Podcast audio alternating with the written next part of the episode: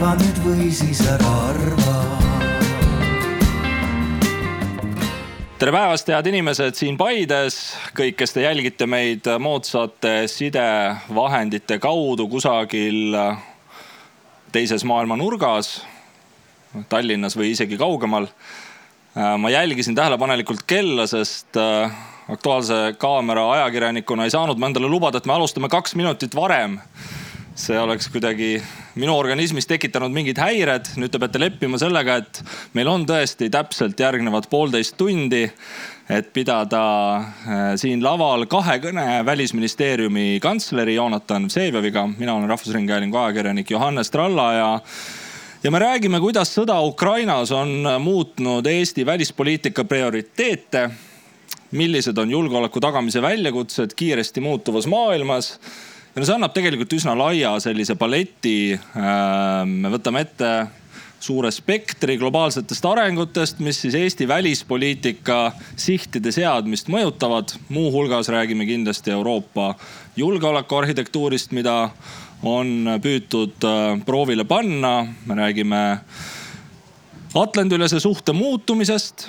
äh, Euroopa Liidu laienemisperspektiividest Hiina tõusust ja Venemaa langusest. ja head sõbrad, loomulikult need on teemad, mille peale mina olen mõelnud, et me võiksime rääkida, aga teil kõigil on võimalik äh, meie vestlust siin suunata, selles mõttes see ei ole kahekõne äh, teemaplokkide vahel annan ma sõna ka teile, hea publik. ma saan aru, siin käib ringi üks, äh, üks mikrofon, kus te siis saate oma mõtteid sellesse vestlusse sisendada.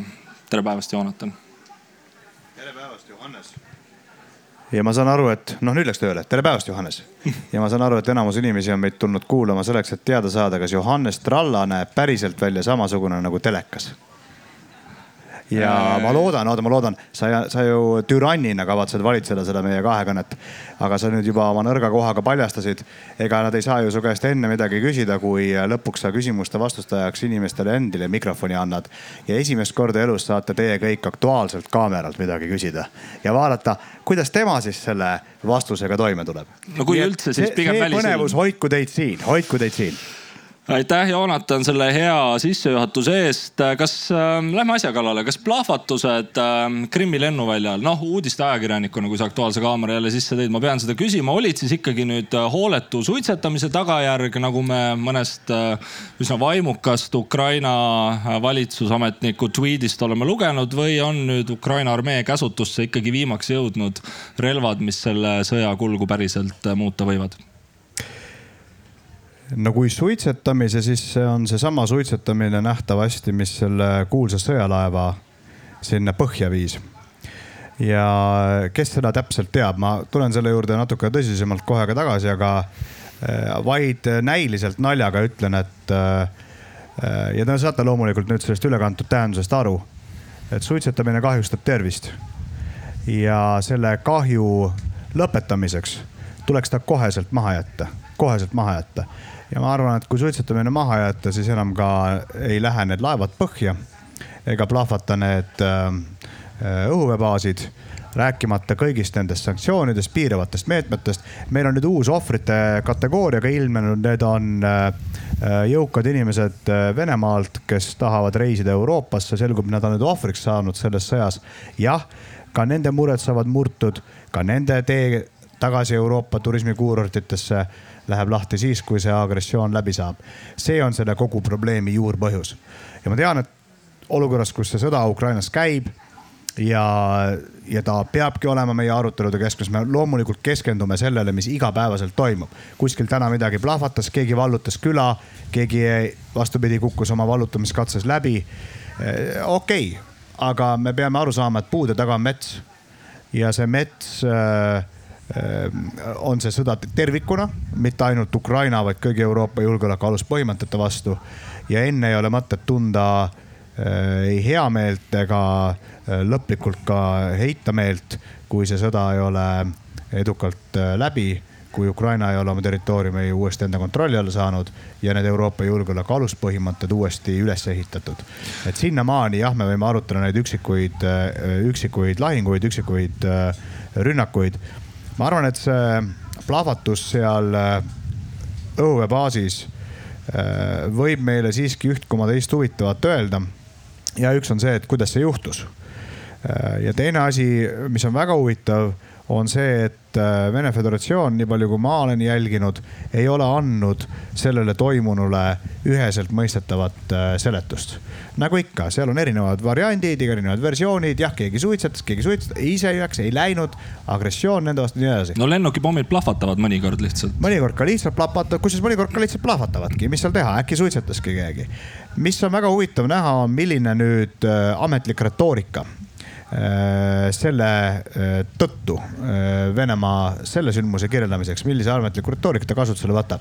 see pakub mitmesuguseid võimalusi, siit on võimalik uuesti nüüd edasi eskaleerida, mingeid täiendavaid samme enda poolt astuda. on võimalik proovida tekitada läänes süvenevat hirmu eskalatsiooni ees, sest kui juba niisugused asjad plahvatavad, noh siis Venemaa kindlasti reageerib, siis on kohe eskalatsioon. see hirm on meie vastu ju sageli relvana kasutuses, et meid paralüseerida, et me midagi ei teeks, midagi ei annaks, midagi, mingisuguseid samme ei astuks, sest mine tea, mine hullu tea, nagu öeldakse.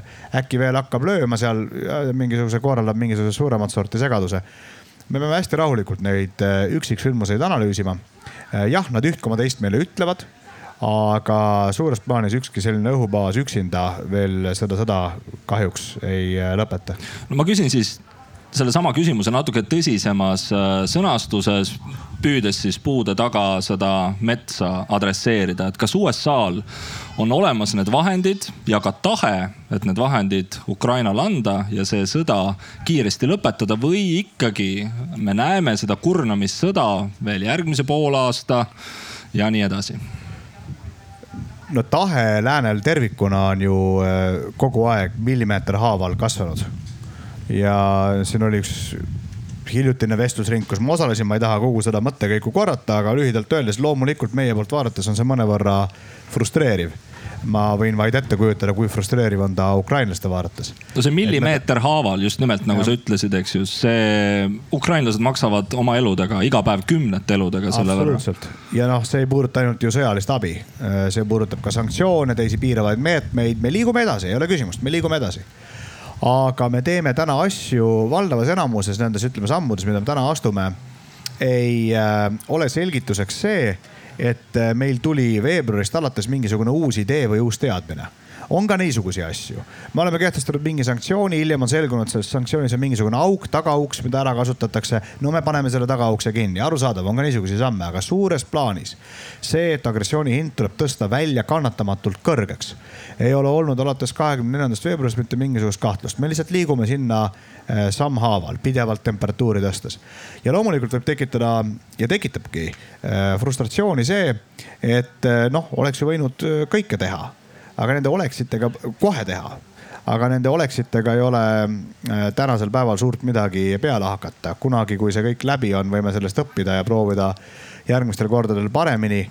aga praegu tuleb lihtsalt siit edasi minna ja tuul, mis vastu puhub muuseas, läheb ka kogu aeg tugevamaks. see sõda kurnab ka meid, läänt, ühiskonda, meie enda ühiskonda, läänt kui riikide kogukonda. ta kurnab ja Venemaa püüab meid äh, äh, ka kurnuma panna. ükski sõda lihtsalt ei alga, sellest kõik saavad aru, sõjad ei alga. Keegi algatab sõja, keegi otsustab, keegi päästab ta valla.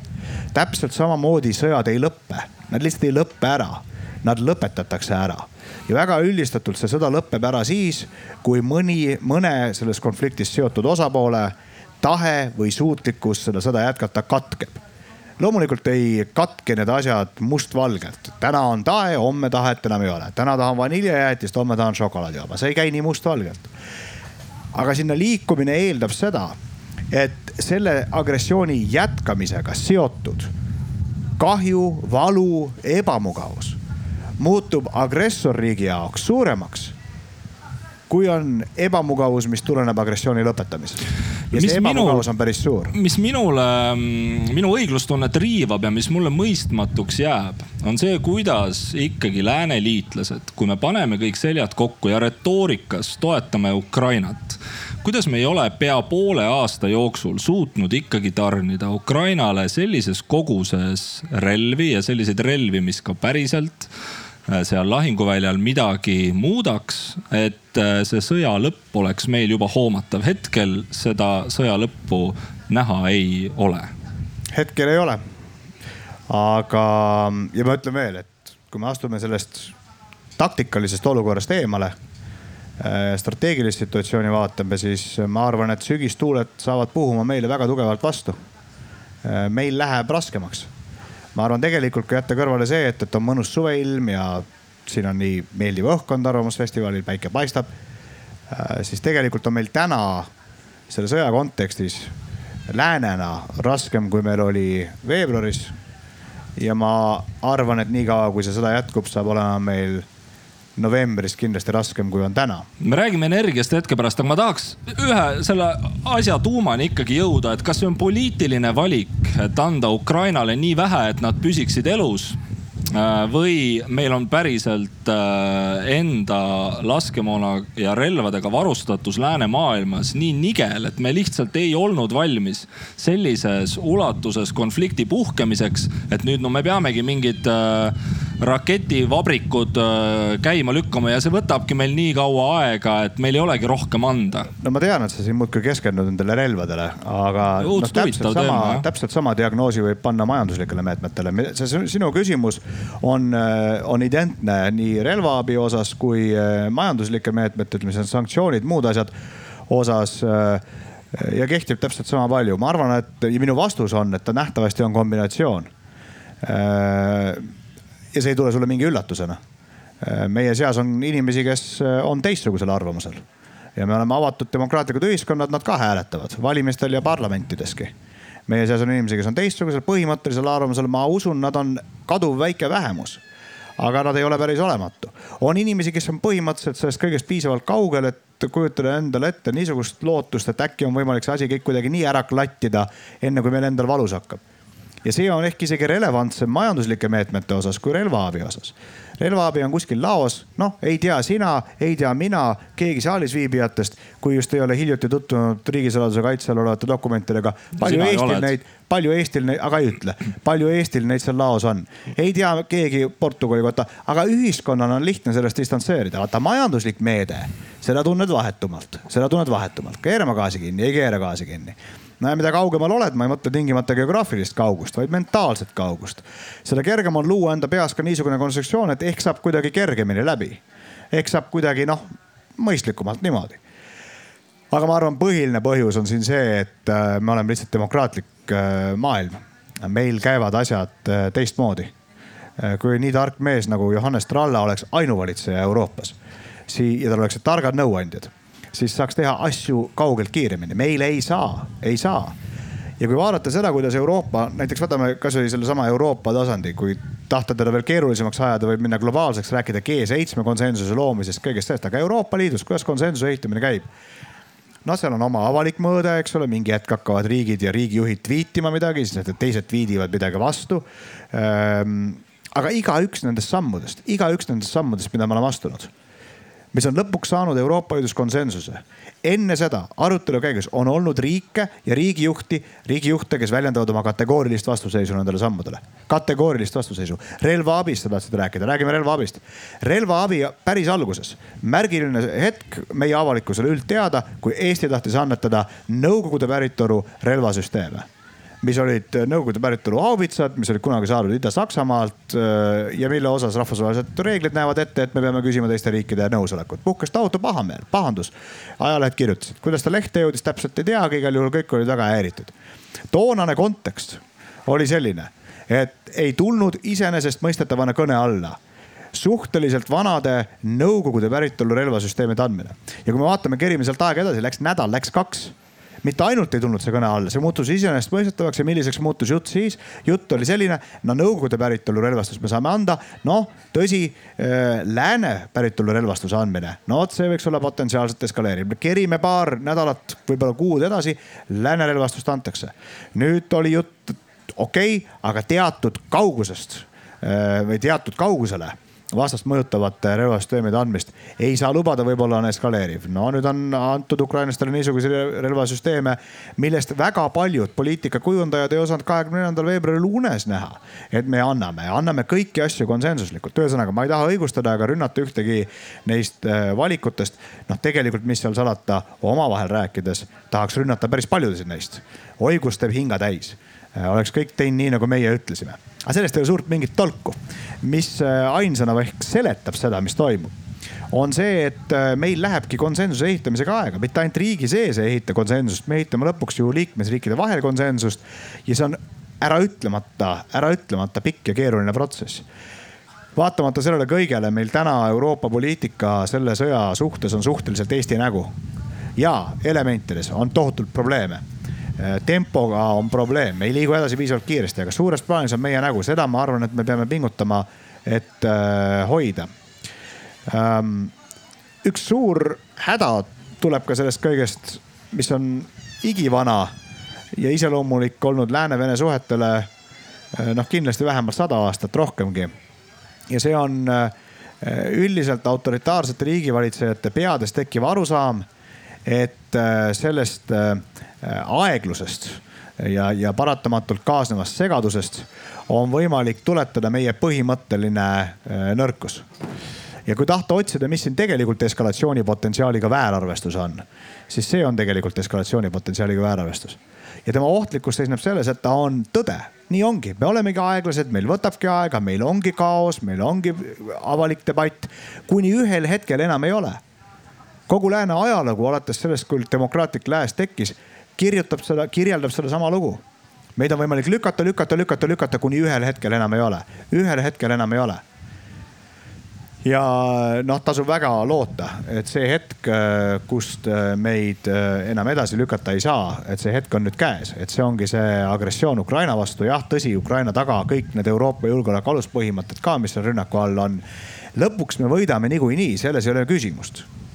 Lihtsalt kõigi jaoks on odavam võita nüüd veel odavam oleks olnud enne kahekümne neljandat veebruarit, kahe tuhande neljateistkümnendat aastat. aga need on jälle need oleksid, millega suurt midagi peale hakata pole. no kui tõenäoliseks sa ikkagi pead seda, et äh, talvel, kui gaasikraan on kinni, temperatuur on mõnevõrra jahedam nii Paides kui Berliinis kui täna siin et äh, tuleb näiteks Gerhard Schröder, kes hiljuti tuli ühe toreda ettepanekuga välja sõlmida rahu äh, ja need nelikümmend protsenti sakslastest, kes hiljuti ühele küsitlusele vastates leidsid, et äh, Ukraina võiks olla valmis äh, andma ära oma territooriumi idas, leiavad, et äh, see ongi tegelikult hea plaan.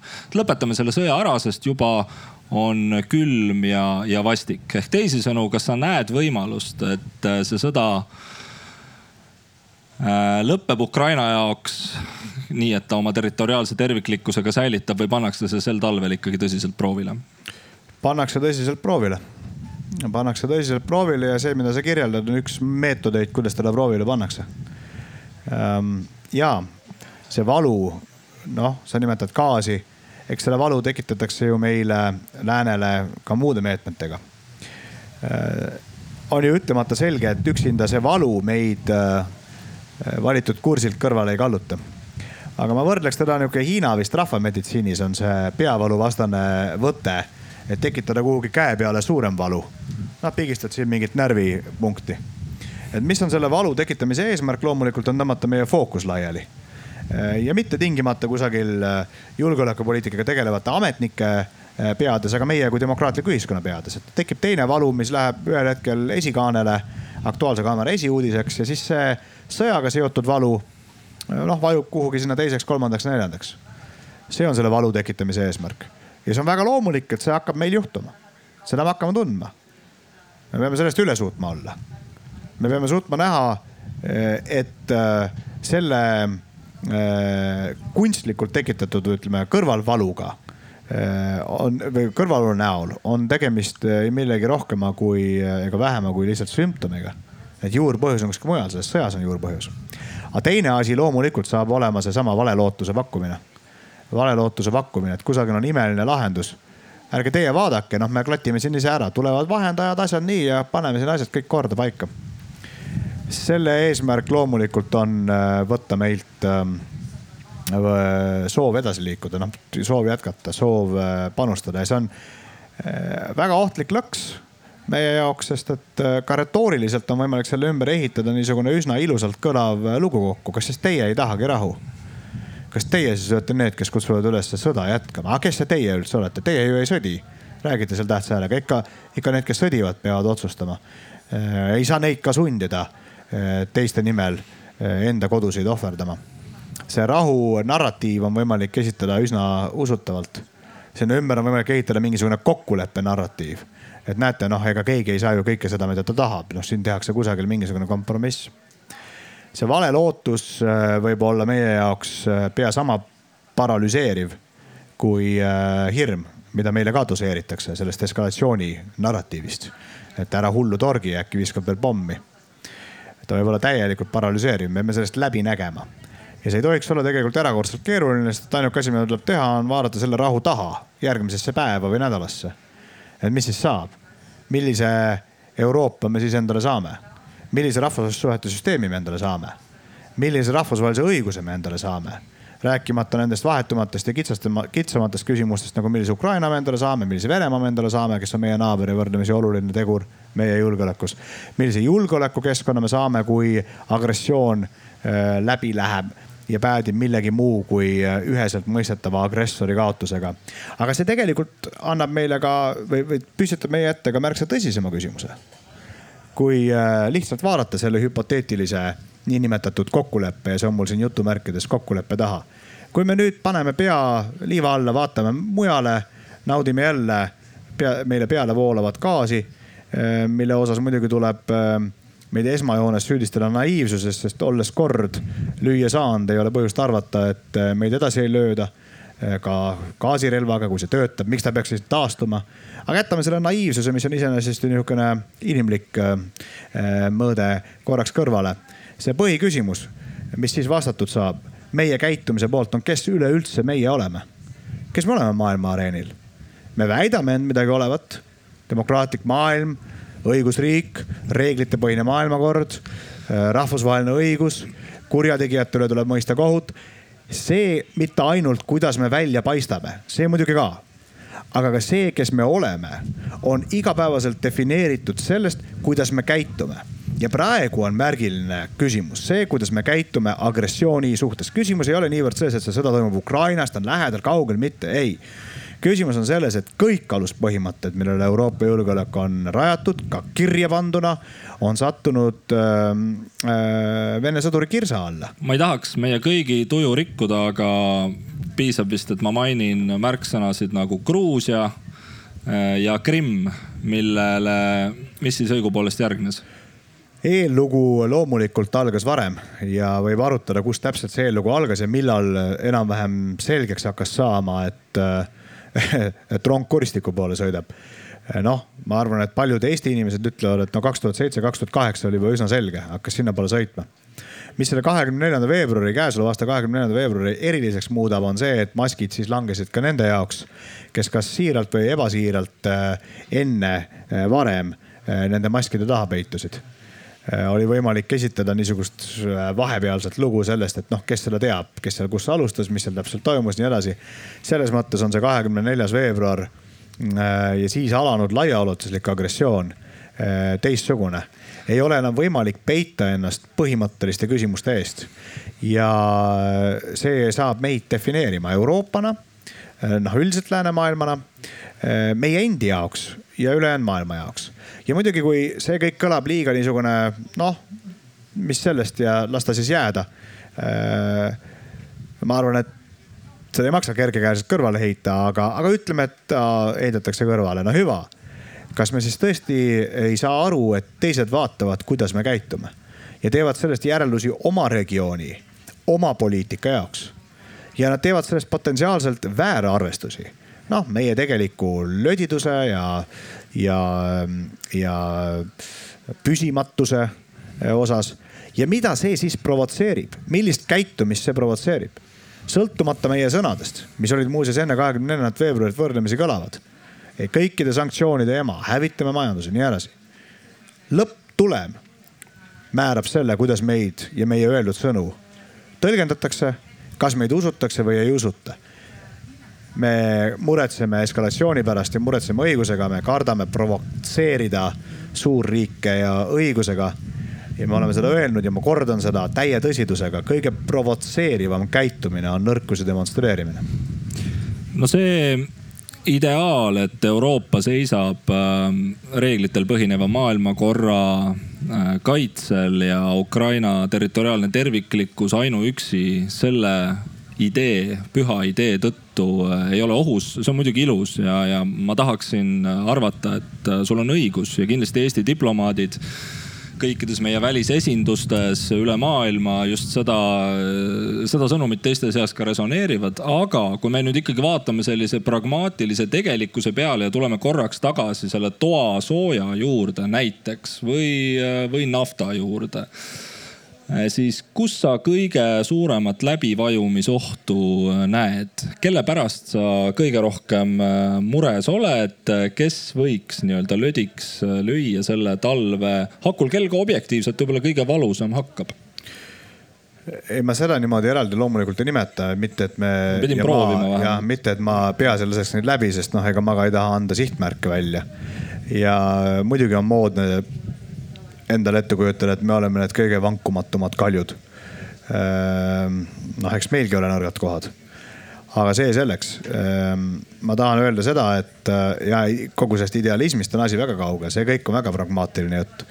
ja ka nende põhimõtete kaitsmine meie vaates ei ole mitte mingisugune niisugune noh, unistava luuletaja jutt, vaid äh, lihtsalt kantud ellujäämissoovist. Äh, meie laiali lammutamine, meie ütleme poliitiliselt kursilt kõrvale kallutamine, ma arvan äh,, on äh, kõige tõenäolisem läbi meie, ja see kõlab natukene loosunglikult, aga ma mõtlen seda tõsiselt, läbi meie ühtsuse lõhu, lõhkumise. sest ütleme, veenda Euroopat kogumina või Euroopa riiki eraldi võetuna, olulisi riike noh muutma meie poliitikat, kasvõi mingites elementides sundida meid panna tegema kannapööret on ütlemata keeruline, sest me oleme lõppkokkuvõttes avatud riigid, ega siis tuleb kohe ju minna telekasse seletama, miks me nüüd muutsime, kui enne oli teistmoodi. kus me oleme haavatavad ja seda üldiselt teatakse ja seetõttu ei ole see teab mis suur saladus, on see, kui me ei suuda enam kokku leppida mingil põhjusel. kui me ei suuda kokku leppida ja lihtsalt me selle läbi paralüseerume kõik äh, poliitikaga siis, kui see ei ole nii paberile pandud, aga meie puhul Euroopas tihtipeale on ta ka veel takatipu paberile pandud. aga kõik poliitika on aegumistähtajaga äh, ta aegub iseeneslikult siis, kui teda pidevalt ei uuenda. noh, tal on mingid vanaaegsed sõnad seal korrutasite nii, aga noh, no ta menetleb oma relevantsuse. Ähm, seda, kuhu me täna oleme jõudnud, kõiki neid sanktsioonipakette, seda relvaabi ja nii edasi ei maksa võtta kui äh, niisugust kastikest, kuhu on linnukene kirja pandud ja nüüd paneme edasi järgmiste kastikeste täitmisega me peame vähemalt sama palju energiat suunama sellele, et see valitud liin, et me sellel ka püsiksime, et me ise siin äh, noh äh, kokku ei variseks, järgi ei jätaks. aga see nõuab ühtsust, see nõuab kokkuleppeid. meid tülli ajada, no on üritatud kogu aeg. meie tülli ajamine tavaliselt algab kahest otsast korraga ühtedele räägitakse, et teised hulluks läinud, üritavad teil toasooja siin ära rikkuda. ja teistele räägitakse, et teised on reeturid, ei hooli tegelikult sinu julgeolekust. arusaadav, noh, väga paljud asjad ajavad hinge täis, sunnivad meid äh, sotsiaalmeedias äh, äh, kõvahäälselt äh, karjatama äh, siis, kui mõni liitlane teeb midagi, mis meile tundub vale või tema liider ütleb midagi, mis meile tundub loll. ja see on kõik on okei okay,, me oleme avatud ühiskond, räägime, mis tahame aga ma loodan, et meil püsib meeles, et meie vaenlane ei ole mitte meie sõber, vaid meie vaenlane on meie vaenlane, see, kes ründab, on paha. Ja kui me hakkame enamus aega kulutama sellele, et omavahel õiendada, siis ma kardan, et me kanname vett sellele veskile, mis meie tegelikult vastu jahvatab. aga gaasikraaniga mängimine Saksamaal on üks eksistentsiaalseid väljakutseid selleks talveks absoluutselt ja selle osas tuleb öelda, et noh, okei okay,, ega siin ei ole jälle vaja olla suuremat sorti ekspert, et aru saada gaasi tähtsusest Euroopa majandusele. ja võib riiki eraldi võtta, kellele tähtsam, kellele vähem tähtsam, selgelt, et Saksamaal on tähtis. Äh, nii et on suhteliselt äh, noh, ei tohiks olla üllatav, et seda relva meie vastu kasutatakse äh, ja kasutatakse kusjuures mitteproportsionaalselt, ma juhin tähelepanu, ei ole kõigil keeratud kinni kogu aeg ja ei ole öeldud, et nüüd ongi kinni. vaid pidevalt doseeritakse siia sisse seda väikest lõhestamispoliitikat, osal kinni, osadel lahti. kinni mitte kogu ajaks, kinni võib-olla natukeseks ajaks ja doseeritakse ka lootust, et kinniminek ei ole seotud noh, mingi pikaajalise poliitikaga. võib-olla läheb ka lahti, käituge hästi, äkki läheb lahti. meil tarvis mingit turbiini, saatke meile turbiin, võib-olla läheb lahti no pooled Euroopa riigid läksid muidugi marru, mis turbiin, jutt ei ole mingist turbiinist, see kõik on pettus teised jälle ütlesid, et me peame proovima. nii et ta kogu aeg teenib, see käitumine teenib mitut eesmärki. suur üks eesmärk on meid lahti lammutada üksteise küljest. aga neid taktikalisi eesmärke mitu, külvata segadust, külvata meie ridadesse sisevastuolusid, teha valu, et tähelepanu liiguks ära, hoida elus mingisugust võltslootust ja nii edasi. aga üks asju, mis ma tahan selle gaasi asja kohta öelda, mis oli lihtsalt niisugune taktikaline õppetund, on see, et kui me ikka ise klaarselgeks teeme kõigile, kes maailmas meie pihta vaatavad, et meid üks mingisugune konkreetne asi hirmutab ja teeb meile hirmsat moodi haiget. muidu on raudrüü okei okay,, noh siit on natukene, sealt on natuke, aga vaat see üks koht on niisugune, et kui sinna meid lüüakse, siis variseme kõik kokku. ja me korrutame seda nädal nädala järel Twitteris ja televiisoris. no mis sa imestad, et teine pool sind just sinna sihib. kui alguses see sõda pihta hakkas, äh, mitmed riigid, meie sealhulgas ütlesime, me peame jõudma energia, energiakandjate sanktsioneerimiseni, gaas sealhulgal, peame nõudma. sellepärast, et see on tegelikult äh, miski, mis ähm, tõeliselt äh, Venemaa majandust üleval hoiab. ja mis teised meile vastu ütlesid, ei, me mingil juhul ei tohi seda teha, me ise kohe kukume selle peale ja see debatt läks nii avalikuks, nii laialt et äh, ausalt öeldes oli ime, et juba pole meid sinna löödud, kuhu me igale poole kuulutasime, et meie Achilleuse kand just nimelt asetatud on. no demokraatia, sõnavabadusel on veel palju nõrkusi, aga päris mõnus on ka tegelikult seda debatti pidada. mis ma lihtsalt ütlen siin, jälle avaldub ka siin seesama oht teise poole väärarvestuseks. ei kuku me kokku ühti. see jutt sellest, et keerad kinni, kohe on kõik läbi, no on läbi või? kus ta läbi on, võrdleme siis majandusnäitajaid Euroopas ja Venemaal, võrdleme võrdleme täna, võrdleme oktoobris, võrdleme novembris, ei ole mingit küsimust, midagi ei ole läbi ehm,. valus, selles ei ole kahtlust aga kas Euroopa majandus selle kõik vastu peab? no iga kell peab. ma testin ühte asja veel lihtsalt huvi pärast, et mis sa vastad, et kui Itaalia erakorralised valimised võidab see tandem, kellele kõik prognoosid seda võitu ennustavad, üks neist on tuntud siis Putini fännisärgi poolest, teisel on Kremli peremehega omamoodi sihuke bromance ja punga-punga pidude ajalugu. jutt on siis Silvio Berlusconist ja Matteo Salvinist, siis noh, kas selliste meeste peale saab loota? vaadates ka noh, milliste väljakutsete ees Itaalia majandus seisab ainuüksi äh, Euroopa Keskpanga baasintressi tõstmisega no sa alustasid ilusti Putini särgid ja mis seal kõik on. punga, punga äh,. punga, punga ja. Berlusconi on tagasi. no kui, äh, kui noh, ma vastan sulle iseenesestmõistetavalt, arusaadavalt äh, ma sügavamale siia sisse ei saa kaevuda, aga arusaadavalt, kui äh, Euroopas ja üldiselt meie liitlaste seas tulevad võimule inimesed, kes sümpatiseerivad, äh, kellele sümpatiseerib Vladimir Putin, siis see on meile probleem, see ei ole küsimus, ei ole kahtlustki. aga samas on meil õnnestunud valdavas enamuses nendest poliitika mm, äh, noh, ütleme elementides, mis meil on kokku lepitud Euroopas, siiski see konsensus saavutada ja seda olgugi, et mitte kõik tingimata üks-ühele meie vaateid ei jaga. nii et ma, ma ka nagu päriselt kohe nagu püssi põõsasse ei heidaks, kui kuskil äh, keegi äh, Putini särgiga inimene peaks valimised võitma. Läheme natuke filosoofilisemaks, kuhu see Brexitiga erilise hoo sisse saanud tasakaaluotsing Euroopa Liidus nii-öelda siis ma ei tea, anglosaksi ja frankofoonse lähenemise vahel äh, praeguseks maandunud on. me oleme kuulnud noh, me paljusid meid äh, ärritanud äh, jutte strateegilisest autonoomiast ja, ja Putini näo päästmise vajadusest. mingit pidi lootust on tekitanud Saksamaa kaitse-eelarvete ülevaatamine, aga kuhu sa näed, et me nagu päriselt ikkagi selles tasakaalu otsingus, mis Brexiti järel tekkis, jõudnud oleme? ma arvan, et Brexit andis siin hoogu juurde, aga tegelikult on need äh, juured sügavamal. see idee, et Euroopa peaks leidma endale mingisuguse kolmanda tee julgeolekupoliitikas või strateegilistes küsimustes. Omal ajal kuhugi Nõukogude bloki ja Ameerika vahele ja tänapäeval vist kuhugi Ameerika, Hiina, Venemaa, India, ühesõnaga maailmapoliitika kujundajate vahele. see idee on, ma arvan, umbes sama vana kui ühendatud Euroopa idee mis hakkas pihta muuseas väga anglosakslikult, sellest kõigest rääkis ka Winston Churchill. nii et ma ei ole kindel, et tal on ka niisugune ainukultuuriline taust viimasel ajal muidugi see idee on tiirelnud selle strateegilise autonoomia termini ümber, mida sa nimetad ja see küsimus on, et kas Euroopa sõjaline kaitse, Euroopa sõjaline kaitse võiks olla miski, mida Euroopa korraldab ise või vähemalt pürgib selle poole, et ta korraldab seda ise. ja noh, ma tõlgin selle siis nüüd päriselt ja otsekoheselt äh, eesti keelde, mida Euroopa korraldab ilma Ameerikata. ja nähtavasti on selles lauses siis see joonealuline viide selle Ameerika juures ja brittideta pärast Brexitit, see on siis see hoog, mille Brexit sellele arutelule andis.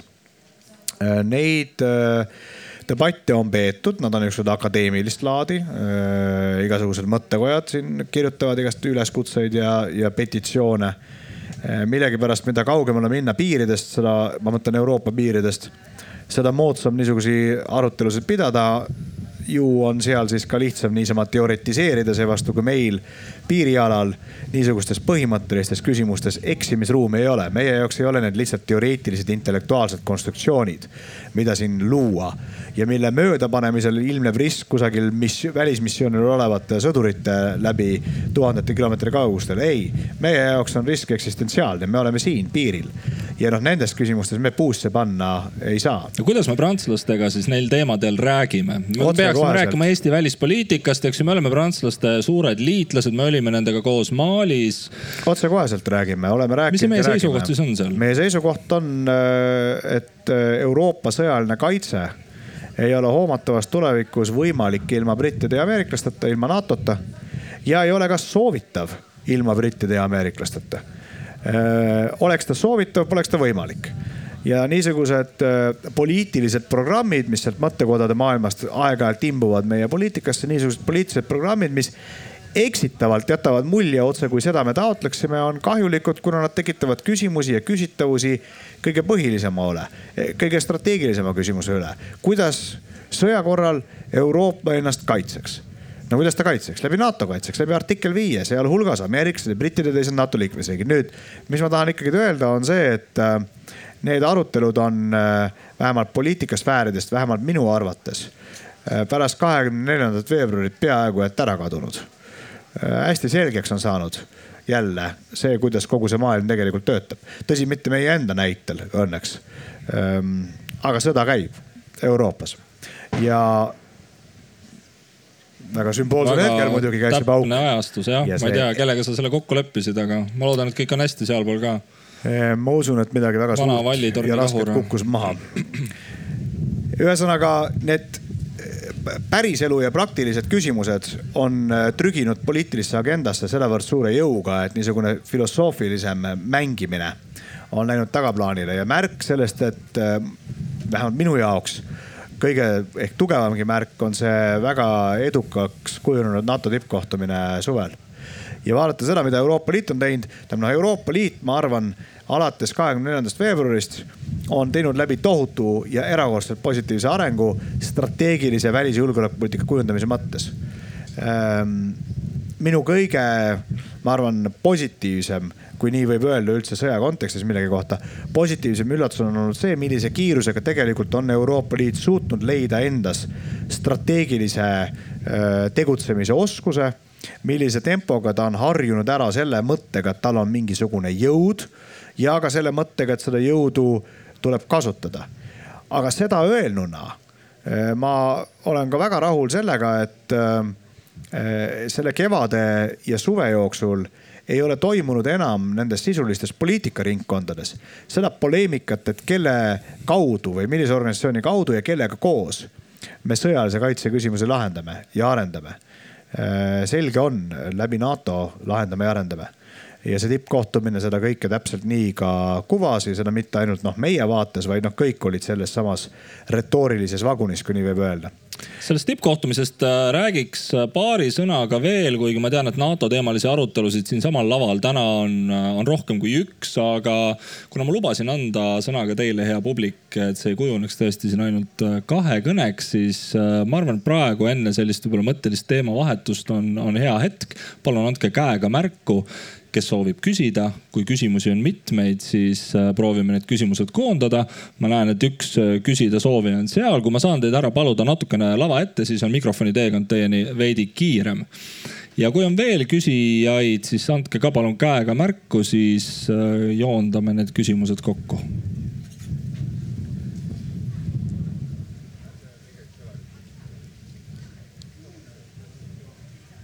tere kõigile. mina olen Jaan Koosmäe, vabadussõdalase poeg Pärnust. ma küsiks saatejuhilt ja vastajalt, kas täna-homme on õige sõlmida või allkirjastada või ratifitseerida põhiseadusvastast piirilepingut kahekümne esimese sajandi okupandi ja mõrvariga, Venemaaga? aitäh ma arvan, et äh, mina ei peaks vastama. ei, kuidas, küsimus oli ka sulle adresseeritud. mis sa hiilid kõrvale? eelistan poliitika kujunemisest kõrvale jääda. mis sa hiilid kõrvale? praegu on piirilepingu ratifitseerimine absoluutselt päevakorrast väljas. sellega keegi ei tegele. väga hea konkreetne vastus. kas on veel küsimusi, hea publik? kui ma teid ei näe ja sealt on üks küsimus veel, palun. võib sealtsamast küsida eh?? Juba kostis ka. jah, see, mul on lihtsalt üks äh, nagu pikaajalise nagu vaateküsimus, et me oleme väga nagu motiveeritud äh, kaitsma Ukrainat ja, ja me näeme, et on nagu ka riigid, kes on nõus nagu õpetama välja Ukraina sõdureid enda territooriumil, enda vahendite eest. aga samas meil on väga palju piirkondi ja need äh, piirkonnad on tihti seotud ka, ka Vene või, või Hiina huvidega, kus on noh no, no, nii-öelda nagu vabadusvõitlejad, ütleme näiteks nagu Myanmaris. et kas sihuke nagu lääne nagu aktiivne demokraatlike või nagu, nagu opositsiooniliste nagu liikumiste toetus, kas jätkub? no see on ka vist sulle, Johannes, küsimus suunatud. no ma eelistan, et sina vastad. no muidugi, muidugi. küsija privileeg ähm,. ma arvan ähm,, noh eks meil on jõudu loomulikult tegutseda kodu lähemal äh, rohkem kui kodus kaugemal. see suur debatt Euroopa välispoliitika üle, mida ka peeti mm, enne sõja algust, oli äh, lihtsustatult äh, globalistide ja regionalistide debatt. et olid mõned, kes ütlesid, et Euroopal peab olema globaalne roll, no see oli üldiselt seesama mõttekäik, et me peame olema strateegiliselt autonoomsed, ajama oma asja ka India Vaikse ookeani piirkonnas näiteks, loomulikult Aafrikas, mujal ja siis olid teised, mis seal salata, kelle hulka kuulus Eesti, kes loomulikult selle mõttekäiguga noh, otseselt ei vaidle, aga kes ütlevad, sõbrad, mis globaalne mängur me oleme kui meil omal naabruses asjad korrast ära on, kui me siin ei suuda asju normaalselt sättida ja see oli veel enne seda, kui äh, kahekümne neljandal veebruaril laiaulatuslik agressioon lahvatas. aga kõik need külmutatud konfliktid, probleemid, mis meie enda vahetul õuel on, on ju karjuvad ju silma ja on täiesti ilmne, et äh, neid äh, tegemata jätmiseid näevad ka kõik need India Vaikse ookeani, Aafrika ja muude piirkondade riigid. see lihtsalt naeruvääristab meie deklaratsioone. nüüd seetõttu me oleme alati olnud sel seisukohal, et jaa, loomulikult, miks ka mitte, aga enne sa pead siin saama asjad korda ja kui sa isegi sellega siin hakkama ei saa, siis lihtsalt suuri sõnu teha selle kohta, kuidas me oleme globaalne mängur, noh pole mõtet. iseennastki ajab naerma ausalt öeldes. rääkimata sellest, et äh, on teised riigid, kellel on päris võimed äh, nendes piirkondades. noh, kui me just nüüd ei proovi selle naerutamisega kuidagi eksitada, siis tegeleks nagu päris asjadega ähm, ma ütlen siia sellesama küsimusele siiski teise osa vastusest. et äh, muidugi meie globaalset äh, rolli äh, saab määrama see, kuidas see sõda lõpeb. Äh, Ukraina lõpp, Ukraina sõja lõpp defineerib Ukraina, ta defineerib Venemaa, ma rääkisin siin meie identiteedist, mida ta defineerib, aga loomulikult defineerib ta ka meie rahvusvahelise positsiooni. ja meie all ma ei pea silmas Eestit, ma pean silmas laiemalt läänemaailma mis positsioonilt meie siseneme sellesse kahekümne esimese sajandi noh, tegelikku teemasse, milleks on suurriikide vaheline konkurents olemuslikult erinevate poliitiliste ja majanduslike süsteemide konkurents globaalsel areenil mitmeosalise vahel eh, saab määratud kindlaks sellest, kuidas me Ukraina sõjas toime tuleme. nii et eh, seegi minu arvates ilmselge tõdemus muudab naiivseks need minu vaates vähemalt käsitlused, mis leiavad, et meil on võimalik kuidagi see Ukraina küsimus vaiba alla lükata või käsitlused, mis ütlevad, noh, see jutt, mida Eesti ajab, on pelk idealistlik, vot me oleme pragmaatikud. ei vabandage, te ei ole pragmaatikud. Te olete lihtsalt ebaadekvaatsed, kui te arvate, et te suudate eh, kaitsta oma huve kaugel olukorras, kus kõige oma põhilisemad huvid olete te lasknud kirsa alla trampida vahetult oma naabruses meenutame korra veel seda NATO tippkohtumist, mille edukust äh, sa, sa kirjeldasid. kuidas sa siis nüüd tagantjärgi kokku võtaksid selle mm, president Erdogani jauramise Madridis ja Madridi eel? mis selle mõte ikkagi nüüd oli? ma arvan, see mõte veel käib. Äh, selleks, et Soome ja Rootsi saaksid, sest ilmselgelt sa ju viitad Soomele ja Rootsile. ja ma noh, ma kogu aeg tunnen ennast natuke nagu imelikult, kui ma ei adresseeri kohe su seda jauramise lauset, aga ma saan aru. see ei olnud väga diplomaatiline. ja, ja ma, saan aru, et sa pead silmas seda, et Türgi teatas äh, vahetult tippkohtumise eel, et nad sootuks pole nõus äh, sellise asjaga. hiljem andis siis järgi, NATO-ga liitumiseks on tarvilik mitte ainult valitsuste nõusolek, vaid ka selle liitumise ratifitseerimine parlamentides ja Türgi parlament seda ratifitseerinud ei ole noh, mida Türgi tahab, Türgi on öelnud äh, avalikult, nähtavasti on ta privaatselt öelnud ehk konkreetsemaltki Soomele ja Rootsile.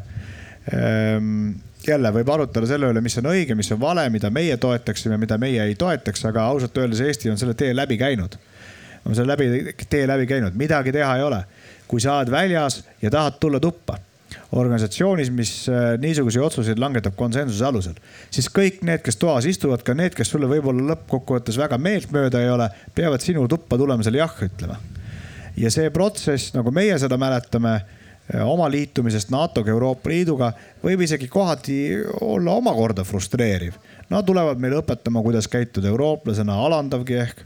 midagi teha ei ole, selliselt see maailm töötab. Kõik, kes toas on, peavad olema nõus, kui sa tahad tuppa tulla kes see järgmine tingija võib olla seal? ma saan aru, et noh, Türgi äh, seda lõppsõna me veel kuulnud ei ole, aga vähemalt mingi dokument sai allkirjastatud ja Erdogan vähemalt seal tippkohtumisel leebus, aga kus need äh, tingimiskohad veel, millistes pealinnades need olla võiksid? No ma olen seda soovitanud äh, ka kinniste uste taga, ma soovitan selle nüüd siis lahtise ukse taga, et igaüks neist riikidest, NATO liitlasriikidest, kes pole seda lõplikku otsust äh, selles küsimuses langetanud, äh, peab olema Soome ja Rootsi tähelepanu all selles tähenduses, et nad peavad veenduma, et need riigid on nõus, et Soome ja Rootsi hakkavad nende liitlaseks. Need ei ole mingid kergekäelised küsimused. et noh, seal mingi väike nüansikene, ei see ähm, leping, mida ratifitseeritakse, on küll pealtnäha lühike ja üldsõnaline, see Washingtoni leping koos oma selle kuulsa artikkel viiega. aga mida sa tegelikult ju kokku lepid, on see, et ähm, ähm, minu sõdurid on valmis sinu riigi julgeoleku mure pärast surma minema koos kõige sellega, mis sellega kaasneb. see tähendab eskalatsiooniriskid, majanduse hävitamised, kõik see muu asi. me rääkisime enne Ukraina sõjast see suhe, mis on liitlaste vahel, ongi ju see formaalse liitlassuhe, ähm, mida Ukrainal ei ole ja nüüd oleme olukorras, kus mingisugused riigid paluvad võimalust sellisesse suhtesse astuda. Äh, see ei ole mingi naljaasi. ja nüüd võib öelda, et noh, siin jälle need enne protsessi lõppu suured sõnad, arusaadav, nii. ei, ei, kogu see konstruktsioon kukub kokku see esimene hetk kui ühe riigi, olgu ta või väike riik, eksistentsiaalsele sõjalisele julgeolekumurele see musketäride ükskõigi kõik ühe konstruktsioon, mis NATO on, eh, vastust anda ei suuda. kui palju takistusi sa veel näed, et äh, Soome ja Rootsi ratifitseerimine ja NATO täieõiguslikuks liikmeks saamine jõustub? täpselt nii palju, kui on neid riike, kes pole veel lõplikult ratifitseerinud aga need on kõik probleemiriigid või see on lihtsalt, ütleme, päevapoliitika agendasse hetkel äh, pole veel mahtunud see teema? ma usun, et lõpuks ei saa neist ükski olema selline probleem, mis äh, Soome ja Rootsi liitumise ära hoiab. ma olen, äh, ma julgen öelda, üsna kindel et kõik NATO liikmesriigid ratifitseerivad Soome ja Rootsi liitumise ja et Soome ja Rootsi liituvad. aga sama kindel olen ma selles, et see protsess pole veel läbi ja et sellel lennureisil võib veel olla turbulentsi ma lugesin kolme aasta eest kinnitatud Eesti välispoliitika arengukava, mis maalis siis meie peamised väljakutsed ja võimalused aastani kaks tuhat kolmkümmend ja seal märgitakse muuhulgas, et surve demokraatial, turumajandusel, inimõigustel ja õigusriigil põhineva väärtusruumi vastu suureneb kogu maailmas populismi mõju lääne ühiskondade ühtsusele, solidaarsusele kasvab. kas see, mis selles dokumendis ära märgiti, on see probleem süvenenud või on võrreldes kahe tuhande üheteistkümnenda, üheksateistkümnenda aastaga ka midagi paremaks läinud? paremaks on läinud, aga ma arvan, et on ka süvenenud ja ma arvan, et need väited ei ole omavahel vastuolus ma arvan, põhiline kiiruga nüüd vastates, sest et see tegelikult nõuaks põhjalikumat mõtlemist, sest see on iseenesest väga huvitav küsimus. see on sissejuhatav küsimus ühele teemaplokile, jah. ma arvan, et kiiruga ki,, kiiruga mõeldes, mis on läinud paremaks, kindlasti on läinud paremaks see, et äh, läänes tervikuna saadakse kahekümne esimese sajandi väljakutsetest täna paremini aru, kui toona saadi Äh, ma ei taha jälle panna siin pingeritta, kes siin enne aru sai ja kes siin hiljem aru sai. üldiselt see arusaamine, et julgeolekuohud on pärised ja et nad päriselt olemas ja et nad on päriselt tõsised. Seda arusaamist ausalt öeldes viis-kuus aastat tagasi eriti meie liitlaste seas ei olnud seda arusaamist, et rahvusvaheline elu tähendab ka olemuslikult erinevate süsteemide konkureerimist eriti ei olnud. see on nüüd tulnud päevakorda, see iseenesest on hea, see konkureerimine tingimata ei ole hea, aga see, et me saame aru, et me oleme konkurentsikeskkonda sattunud, see on hea. see on nagu politsei, mis auto, mis söödab vilkurid ja sireen peal mingil pimedal Aguli tänaval. No see on iseenesest selles mõttes hea, et politsei on kohale tulnud, muidugi halb, et ta sealse kuritegeliku keskkonna pärast seal kohal on aga oleks veel kaugelt halvem, kui oleks lihtsalt kuritegelik keskkond ja politseid poleks. nii et me oleme natuke selles olukorras, kus noh, politsei hakkab nagu tulema, vilkurid juba näha ja vaikselt koondame siin jõudusid. see on läinud kindlasti paremaks, aga see sama parafraseeringut või seda näidet kasutades, see kuritegelik olukord on vahepeal ka ikka kõvasti hullemaks läinud. No me oleme viimase võib-olla aastaga äh, näinud äh, sellise ühe Euroopa Liidu löögirusika, mis siis koondus sellise Visegradi grupi äh, sildi taha lõhenemist. Ähm, üheks murelapseks Brüsseli poolt vaadates on olnud Poola. kuidas, kuidas sa kirjeldaksid Poola positsioonide muutumist Euroopa Liidus viimase poolaasta jooksul? No eks see, mis on parajasti agendas, defineerib ka paljuski kuvandit ja viimase poole aasta jooksul on prominentselt agendas äh, sõda Ukrainas. ja siin on äh, Poola käitunud isegi nende vaates, ma usuks, kes on võib-olla nüanssides teistsuguse poliitika toetajad, on Poola käitunud erakordselt eesrindlikult ja viisakalt olgu selleks siis äh, Ukraina poliitiline toetamine, sõjaline toetamine, noh hüvasid võib-olla erinevaid arvamusi, aga näiteks ka Ukraina pagulaste võõrustamine ja kõik see muu humaansem ehk isegi humanitaarsem aspekt Poola poliitikas, nii et ma arvan, et Poola maine täna on äh, Brüsseli koridorides äh, tükk maad parem, kui ta oli äh, pool aastat tagasi. see ei tähenda seda, et ühe väga olulise teema varju teised teemad ära kaovad. noh, sa oled Euroopa asjadega kursis, sa tead, et see, et ajalehed kirjutavad millestki, ei tähenda seda, et kõik need lugematud töögrupid ja organid, mis kogumis tähendavadki Euroopat. et need kõik selle ühe asjaga tegelevad. nii et loomulikult kõik muu käib ka, kõik muu elu läheb edasi ja küsimus sellest, et kas kõik liikmesriigid ikka vastavad nendele endi poolt vabatahtlikult võetud kohustustele, ka demokraatia õigusriigi osas. no need küsimused lähevad ka edasi. no see retoorika, et me suuname kõik kahurid, mis meie arsenalis on Brüsseli poole, kui meile ei tehta neid väljamakseid, mida me tükk aega oleme oodanud. muidugi erilisele konstruktiivsusele ei viita, jutt käib siis Poola võimupartei võtmeisiku viimase, ma ei tea, mis see oli siis, nädala jooksul tehtud avaldusest, kui kui äh, jällegi Brüssel juhtis tähelepanu, et tegelikult need justiitsreformi äh, teemad ei, ei ole lahendatud. see siin, siin tegelikult on ka nagu suurem küsimus, et noh, ma ei pea kellelegi selgitama, kui oluline on Poola Eesti äh, julgeoleku ja meie piirkonna julgeoleku tagamisel, aga aga mõnikord on mind hämmastanud Eesti ähm, poliitikute või ka võtmediplomaatide selline tagasihoidlikkus äh, Poola probleemidest kõnelemisel. me justkui ähm, noh, ei taha seda nagu ebamugavat teemat mainida. aga, ja ma võin mõista, miks, aga millist tööd Eesti tegelikult äh, Poolaga teeb selleks, et üks meie oluline julgeolekupartner oleks Brüsselis parketikõlbulik või ütleme, lääne üldsuses laiemalt aktsepteeritud äh, demokraatia, mitte noh, perifeeriasse tõrjutud selline riik, kellega võib-olla on nagu raske asju ajada sul oli selles ühes küsimuses nüüd kümme erinevat millist küsimust. tööd Eesti äh, teeb, et Poola nii-öelda joone peal oleks? rasket, kuid äh, rõõmustavat. Sest ega me avalikkuses ju tegelikult Jaa. väga Oota, neid murekohti ei adresseeri. Äh, ega see siin ei ole Aktuaalne kaamera, et ma saan ainult ühe väikese vastuse ja siis on saade läbi ähm,. ja no mitu küsimust Aktuaalse kaamera püsivaatajad ja vaata Aktuaalses Kaameras kunagi publiku reaktsioone ei kuule, siin kuuleb. ja, ja, ja seda vaatate, vaatate reitingutest. et kas tegite Õnne kolmeteistkümnele pähe või ei teinud? teete või? teete? ja, ja kõigepealt need loosunglikud niisugused hüüatused, no need käivad poliitikaga kaasas. mulle nad isiklikult eriti ei meeldi ja veel vähem ausalt öeldes, kui siin tänitamiseks läks, meeldib mulle see, et, et no miks neid niisuguseid loosungeid ka loobitakse, on see, et nendega saab üsna kindlasti pealkirja. ja no kes nad sinna pealkirja panevad, no sa oma kolleegidega paned. et ta on nagu niisugune tsükkel, mis äh, tegelikult väga nagu niisugust äh, noh, läbimõeldud analüüsi no ei soodusta, olgem ausad. aga no nii hull ka nüüd ei ole, et pandi roll pealkiri või niisugune kõlav loosunglik pealkiri ja kõik kappame selle järgi ja tänu sellele kuskil mingit tervemõistuslikku mõttetegevust ei käi, küll ta käib. lihtsalt ega ta seal leheveergudel ei aga käi. probleem on ju olemas. mitte see tingimata selles äh, ühes lauses. probleeme on olemas hästi palju jah. ma usun, et Euroopa institutsioonid sellisena, nagu nad on seatud ja need äh, suhted, mis liikmesriigi ja, ja komisjoni noh, tegevust selles probleemis raamivad, küll nad omadega toime tulevad. me toetame seda kõike, see protsess peab olema rahulik ja loomulikult meie toetame seda, et Euroopa Liidus oleksid kõik riigid demokraatlikud ja omale võetud kohustusi täitvad. ja loomulikult püüame kaasa aidata sellele, et sellest kõigest ei tuleks kogu aeg mingisugust uskumatut jama mis äh, täidab eetri ja viib meid tegelema, noh, niisugused kahurid tuleb suunata Brüsselile küsimusega.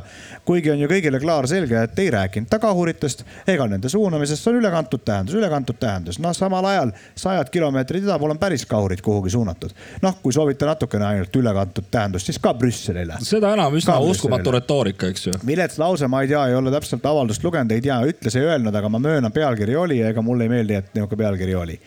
aga noh, selle taga on äh, tõenäoliselt veel mingi pikem jutt ja eeljutt ja järeljutt, mida kõike noh, sellest ühest pealkirjast välja ei loe Ehm, avalik õpetamine ja, ja tänitamine on üks muidugi loomulikult ava, äh, diplomaatia tööriist äh,. iga säuts tegelikult äh, või mingisugune kriitika, mida sa teed avalikult teise suhtes, on äh, poliitika tööriist mitte alati neid tööriistu meistrimees ei kasuta oskuslikult, arusaadav, mõnikord läheb midagi sassi, naela lüüakse seina mootorsaega, mitte haamriga, lüüakse valesse kohta, arusaadav. aga ärge te seda ka ometi arvama hakata, hakake, et meistrimeest ei olegi. on, on, ikka on kõik kasutavad neid tööriistu, avalikke sõnumeid, mitteavalikke sõnumeid, sanktsioone, mingite külade pommitamist Ukraina sõja näitel. mis ma tahan öelda ka nende avalike sõnumite taga, kui neid väljutab riik, peab olema mingisugune soov ja kavatsus jõuda kuskilt punktist A punkti B. lihtsalt enda mõnuks öelda asju on hästi lihtne ja ongi tervitatav vabade kodanikena vabal maal oma mõttena riigi nimel hakkad rääkima või tahad, et riik midagi räägib, siis peab olema sellel rääkimisel tulem, eesmärk. See võiks olla kooskõlas muude tegevustega, mida sa teed. ehk siis lihtsalt niisama haamriga, noh, pole mõtet vehkida, löö temaga siis naela seina. et see nagu proovib praegu vastata osale su küsimusest, mis on, et miks me mõnikord kõiki asju, mis meil nagu sülg suhu toob, kohe televiisoris välja ei räägi. no ma panen siis natuke temperatuuri juurde, et kas Ungari valitsusjuht, ütleme siis nii, kas mulje nagu oleks Viktor Orban Kremli mõjuagent, on ekslik? Alguses sa tahtsid küsida vist mingit personaalhinnangut, siis sa muutsid. nüüd sa küsid mult topelteituse. ma arvan, et Ungari poliitika Ukraina sõja kontekstis, Ukraina sõja suhtes ja ka Venemaa osas on olnud väga kahjulik, ekslik selgelt lahknev meie soovidest ja meie arusaamisest sellest, mis on kasulik ja vajalik Euroopale, sealhulgas meile. Milliseid katseid äh, sina või, või siis Eesti äh, välisministeeriumi Ungari suunal tegutsevad äh, inimesed on teinud, et kuidagi aru saada ja võib-olla ka seda kurssi muuta, mida, mida Viktor Orban nagu Euroopa Liidu koridorides Venemaa suunal ajab, sest seda ka ausalt öeldes on üha kummastavam kõrvalt jälgida. no eks neid kahte asja, mida sa nimetad, me olemegi proovinud teha. Esiteks aru saada, miks ta teeb neid asju, mis ta teeb. ja teiseks neid asju, mis ta teeb, mis meile ei meeldi, me oleme proovinud ja proovime edaspidigi mõjutada. ma muidugi pean igaks juhuks ütlema konteksti loomiseks, et me oleme heaks kiitnud kokku seitse sanktsioonipaketti Euroopa Liidus, mis kõik kogumis noh, on päris muljetavaldav nimekiri Ehm, nii sektoraalseid sanktsioone, isikuid pannud äh, Euroopa Liidu niinimetatud nendesse listidesse, kus nende varad külmutatakse kõik. kõigel sellel, mis me oleme otsustanud, on ka Ungari allkiri. no see viimane allkiri tuli ikka väga raskelt. absoluutselt, iga järgmine samm on tulnud raskemalt kui eelmine ja mitte ainult ühe liikmesriigi pärast, vaid üldse selle konsensuse ehitamise pidevalt raskemaks muutumise pärast. kui ma räägin sellest, et tuul puhub sügisel eriti kõledana meile süvenevalt vastu siis umbes midagi sellist ma silmas pidasin. meil on äh, loomulikult keerulisem, meie enda seest tulevatel põhjustel keerulisem äh, edasi liikuda. noh, pidevalt läheb ju valusamaks ka, arusaadav. ja loomulikult meie vastane teeb seda meile kogu aeg pidevalt keerulisemaks puistates meile puru silma, püüdes meid hirmutada ja nii edasi. nii et läheb raskemaks. aga see raskus kahvatub selle raskuse kõrval, mida meil ühiselt Euroopana tuleb taluda siis, kui me peaksime selle sõja käigus põlistama põhimõtte, et äh, edaspidi on tugevamal õigus väiksemat tükeldada. kas see on ikka selline jagatud veendumus, et me suudame seda mängu, mida me oleme alustanud ja seda mängu võib nimetada mitut moodi, aga no ütleme siis, et me suudame Venemaa ära kurnata ilma et me saadaks oma sõdurid otseselt Ukrainasse, aga me suudame Venemaal olemise teha nii valusaks ja nii vastikuks ja nii ebamugavaks, et nad ise nii-öelda lahkuvad Ukrainast. kas see on ikkagi jagatud arusaam, et me suudame selle mänguga lõpuni mängida? sa ütlesid mängu, mille me oleme alustanud, ma pean parandama, sa hiljem seda ei korranud, aga meie midagi ei alustanud meie mitte no, vastukäiguna, vastukäiguna ütleme siis. Äh, vastukäiguna meil Sellele on. Äh, muidugi arvamusi mitmeid. on neid, äh, kes ütlevad, et ähm, valitud kursil püsimine viib meid lõpuks sihile ja loomulikult tuleks patt maha salata kõiki neid, kes salamahti ütlevad, et valitud kursil püsimine meid tingimata sihile ei vii, et seda tuleb sinna veel investeerida rohkem, eks ole, poliitilist kapitali, muud, sõjalistki. et sihti saavutada, aga mis seal salata, meie seas on ju ka neid, kes ütlevad, siht üldse on vale. et mis te siin räägite? nagu neid me ise lugenud ei ole, ärme jää ise sellesse oma kõlakotta kinni milleks muidugi sotsiaalmeedia annab ka tohutuid äh,, ausalt öeldes loob tohutuid eelduseid, et näeme ainult neid arvamusi, mis ühtivad meie arvamustega. no natuke tuleb sorada, vaadata, mis on teised arvamused siinsamas Euroopas, meie enda vahel. on ka täiesti teistsuguseid arvamusi noh, demokraatia, eh, demokraatia paratamatus, ma arvan, et eh, valdav enamus meie niisugust, ütleme lõpuks poliitikat kujundavat avalikkust on selle idee taga ja seda peamiselt seetõttu, et ühtegi veenvat alternatiivi, mis meid hävingusse ei saadaks, pole suutnud siiamaani keegi sõnastada. hea publik, kas teil on vahepeal tekkinud küsimusi, sest äh, mul on plaanis teha väike teemavahetus ja siis on hea hetk korraks anda, anda sõna teile. andke palun käega märku, kui teil on mõni küsimus hingel, sest minu meelest Arvamusfestivali üks selliseid äh, kvaliteete ja olulisi, olulisi erinevusi võrreldes Välisilma saate või Aktuaalse kaameraga ongi see, et teie olete ka siin samas ja saate sekkuda ja küsida aga küsimused muidugi palun adresseerige Joonatanile edaspidi, mitte. no keegi ei julge, alguses ma reklaamisin, et kõik saavad sinu käest küsida, nüüd sa ühtegi küsimust ei vasta. ma hoian aega kokku, et sulle jääks rohkem aega rääkida.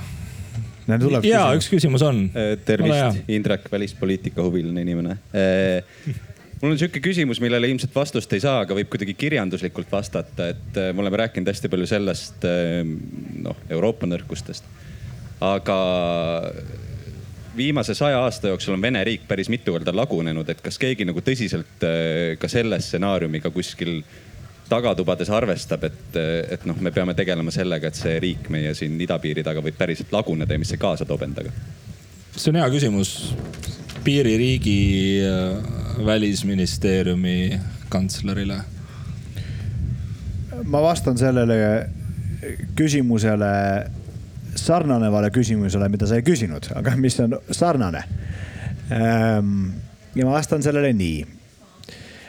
noh, kui me vaatame näiteks, meenutame kahekümne, kas ta oli kahekümne kolmandal või mil, millisel veebruaril oli see omapärane telesaade, mida Venemaalt meile transleeriti, kus kõik need julgeolekunõukogu liikmed kordamööda pidid seal mikrofonis, mikrofoni ees käima ja ütlema Putinile, et nad pooldavad seda tema valitud kurssi. no te mäletate, eks ole.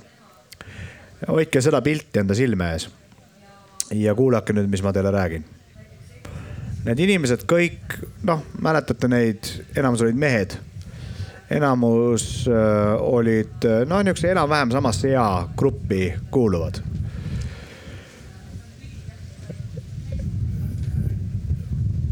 Venemaal on viimase saja aasta jooksul võim tõepoolest mitu korda kokku varisenud. Viimati varises Venemaal võim sellisena, nagu see võim oli loodud institutsioonina täiel määral kokku siis, kui valdav enamus neist inimestest, keda veebruaris televiisoris näidati, juba riigiametis töötasid. üheksakümne esimesel aastal, kui Nõukogude Liit kokku varises no tagantjärele targana me kõik teame, et olid juba märgid näha ja meil siin Irve pargiski seisti ja nii.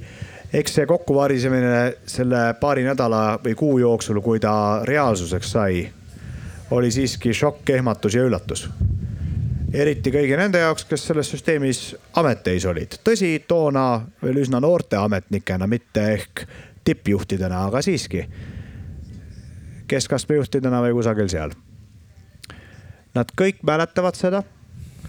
ja nad kõik teavad seda, et päeval pärast kollapsi läks elu siiski edasi. noh, olid uued olud, uus aeg, aga kõht läks ikka aeg-ajalt tühjaks, tuli tuua leib lauale ja mingi hetk läks elu ehk isegi natuke paremaks ja nii edasi. mis ma tahan öelda, on see, et äh, olulisem kui see, kas meie tegeleme selle võimalusega. on küsimus sellest, kas äh, teised oma peas, meenutades neid aegu, selle võimalusega tegelevad. ja kas nad ehk tänaseid igapäevaseid otsuseid tehes mõtlevad, mismoodi nende jaoks see päev hiljem siis välja näeb. kindlasti teistsugune, aga mismoodi ja see on eriti oluline selles kontekstis, kus toime pannakse, juhul kui peaks otsustusele tulema mõne järjekordse konkreetse ja üheselt mõistetava kuritöö toimepanemine. no ma ikkagi sellest Indreku küsimusest äh, lähtuvalt küsiks ühe küsimuse veel siia otsa, sa, sa küll ei tahtnud vastata sellele, kas meie tegeleme sellega, aga aga no kujutame ette korra, et äh, see juhtub, Vene riik äh, kukub kokku, inimestel hakkabki päriselt nii halb, et no näiteks mingi Peterburi eeslinna jagu inimesi on meil ühel hetkel Narva piiripunktis ja paluvad asüüli. Ja see ei ole noh, siis mingi erioperatsioon, et tuuakse kusagilt ähm, äh, ma ei tea, Lähis-Idast, eks ju, meile mingeid inimesi, vaid nad ongi päriselt näljas ja nad ongi päriselt meil seal piiri taga, eks ju.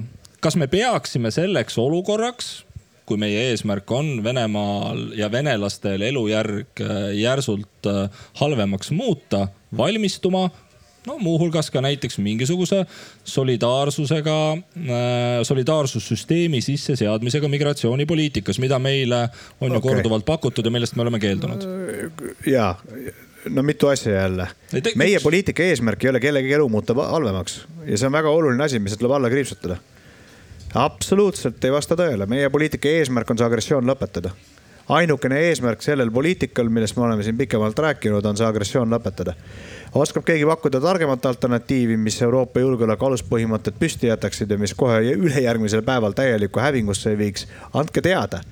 ei ole lugenud, ei ole kuulnud nii et ei ole meie poliitika eesmärk kellegi elu halvemaks muuta, millega me tegeleme, mis tulevikuga me kõige enam tegeleme, on muidugi meie enda tulevik ja Euroopa tulevik seda ambitsiooni, soovi, suutlikkust, naiivsust võib-olla, et arvata, et meie võimuses või ülesannete hulka kuulub ka mingite teiste riikide tuleviku kujundamine, meil ei ole. eks mõtteid ikka mõlgutame. aga see, mis on teise siseasi, on teise siseasi. kui see teise siseasi peaks loksuma meie õuele, siis loomulikult peame meie piiririigina olema valmis reageerima sa nimetasid migratsiooni, kontrollimatut migratsiooni kui potentsiaalselt julgeoleku teemat. me oleme Euroopas seda juba läbi teinud ja, ja me oleme sellega teadlikud, et selline variant on olemas. veel enam, me oleme teadlikud sellest, et migratsiooni on võimalik kasutada tahtlikult relvana Euroopa vastu. me nägime seda, me kõik nägime seda, katsetati, hakkama saime toona tõenäoliselt saame ka järgmine kord. ma küsin veel konkreetsemalt siis, kas meil on plaanis muuta oma seisukohti Euroopa nii-öelda solidaarse kokkuleppe saavutamiseks migratsioonis, et kui on meil varjupaiga taotlejad järsku massiliselt piiri taga, et siis see on meie kõigi asi, mitte ainult selle riigi asi, kelle piiri taga nad on? mul ei tule praegu ette küll ühtegi seisukohta, mida me plaaniksime täna muuta. mul ei tule ette ühtegi seisukohta. aga ma tahan siin teha ka vahe, vahele need sõnad on hästi sarnased, tihti nad on ju sama sõna, aga ta tähendab teinekord erinevaid asju. Ehm, noh, nagu me oleme kokku leppinud, tegemist on ju äh, tundliku poliitika küsimusega ja meie ühiskondades kõik läbi vaieldud, arusaadav, emotsioone kuumaks küttev, võtame, ei võta, kui palju võtame ja nii edasi. no ükstaskõik, kuhugi kohta see konsensus tekib või kui mitte konsensus, siis vähemalt selle hetke poliitiline tasakaal, see vormub meie poliitikaks ja see ongi siis see, äh, mida me teostame. ja kui me seda teostame, me teostame seda loomulikult suuremeelselt ja demokraatlikule ühiskonnale kohaselt, äh, väärikalt ja nii edasi. kohta, koheldes sealhulgas neid äh, seaduslikult meile tulnud migrante, kes siis vajavad abi või mida, mida tahes aga see on olemuslikult erinev küsimus sellest, kui keegi otsustab migratsiooni relvana meie vastu kasutada. erinevad teemad ja, ei ma lihtsalt Indreku, Indreku küsimusest äh, lähtuvalt. aga, aga lähevad kergesti sassi. sest arvatakse muuseas, et me selles moraalses konundrumis siis kuidagimoodi ise vappudes põrandale kukume ja ei tea ise, mis teeme. no seda nüüd sai testitud siin poolakate ja leedukate peal. ja ei no jutt oli Vene riigi kokkukukkumise perspektiivist ja mida see meile võiks kaasa tuua piiririigina, eks ju, sellepärast see küsimus ka. ega sa ei pea seda küsimust õigustama ega ma seda küsimust ei rünnanud kas on veel küsimusi publikul, mõni välispoliitiline, välispoliitika huviline inimene peale Indreku veel äh, sooviks? ma loodan, Indrek, sa sellele, selle Indreku? küsimusega seda teemat sihtisid, mida ma nüüd püüdsin siin täpsustada, aga võib-olla ei sihtinud, siis sa saad uuesti küsida, kui tahad mulle meeldis see, et kas siin peale Indreku veel mõni välispoliitika huviline inimene on? ei, mulle meeldis see, kuidas Indrek ennast välispoliitika huviliseks lihtsalt. see oli ka päris lahe, ma, ma panin tähele seda Lähme siis edasi. Äh, lootus, et Ukraina liiguks suurte sammudega Euroopa Liidu poole, kui palju selles on nagu sellist naiivsust ja kui palju äh, sa tegelikult näed või millal sa näed, et see võiks saada reaalsuseks? no et sammudega liigutakse õiges suunas, seda võiks olla ja ma arvan, et ka on äh, näha pidevalt ja juba täna. et see teekond on äraütlemata pikk, on ka selge et äh, seda teekonda olulisel määral hägustab ja takistab ja, ja, ja segab äh, asjaolu, et Ukraina on langenud laiaulatusliku agressiooni ohvriks, on ka ütlemata selge. Äh, me proovime aidata nii, kui saame.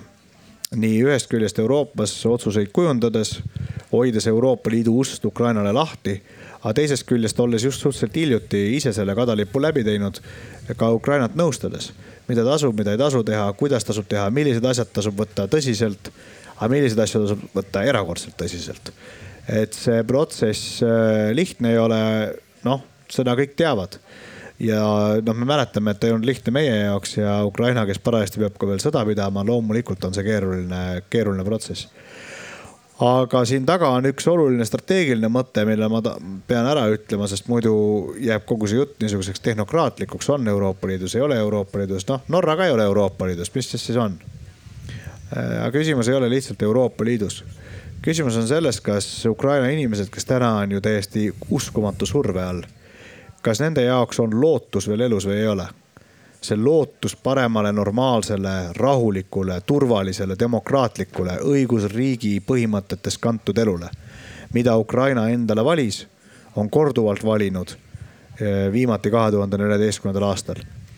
meie vastu mängib äh, agressor ja mängib nende samade sõnumitega. noh, tähendab vastupidiste sõnumitega, aga samadel teemadel. miks ter on tarvis terroriseerida linnasid, mis on sadu kilomeetreid äh, lahing kontaktjoonest eemal? no võib-olla on seal mingisugused sihtmärgid, arvatakse, et on mingid laod, aga olgem ausad, me ju kõik näeme seda, mis toimub. selle eesmärk on ka lihtsalt terroriseerida, teisisõnu võtta ära lootus. võtta ära lootus ja öelda oma poliitikaga, et sõbrad, jätke teie järgi. see, mis taotlete, pole realistlik, pole tehtav. elu läheb hoopis hullemaks. vaadake kaks tuhat neliteist, tegite selle valiku. võrrelge, kus oleme meie, kus olete teie. noh, ega meiegi paradiisis ela aga teil ju puhta hullusti. no osa sellest narratiivist on see, et ega teid keegi seal Euroopas ju taha ka. kes teid tahab? meile räägite sedasama juttu üheksakümnendate algusest, kes need teie sprotte hakkab siis sööma? Kui te Vene turule oma sprotte ei müü, mis te tõesti arvate, Pariisis nad hakkavad neid teie sprotte sööma? see ähm, taotlus võtta ära lootus on äh, poliitikas erakordselt võimas relv kogu see poliitika laias laastus niisuguste emotsioonide loomisel, rakendamisel eh, ka käib. meie asi on selles mängus kaasa lüüa, lootust anda. kui palju peale lootuse me tegelikult ka mingi reaalse perspektiivi oleme andnud? ega seda lootus, ega noh, keegi ei ole ju loll. ega lootust ei saa anda lihtsalt baseerides teda valele. parim propaganda on tõde, kõik teavad seda lihtsalt niisama ilusaid sõnu tehes, noh sind kuulatakse, usutakse, ehk tuleb pisargi silma, aga kõne lõpeb lähed koju, päriselu tuleb jälle.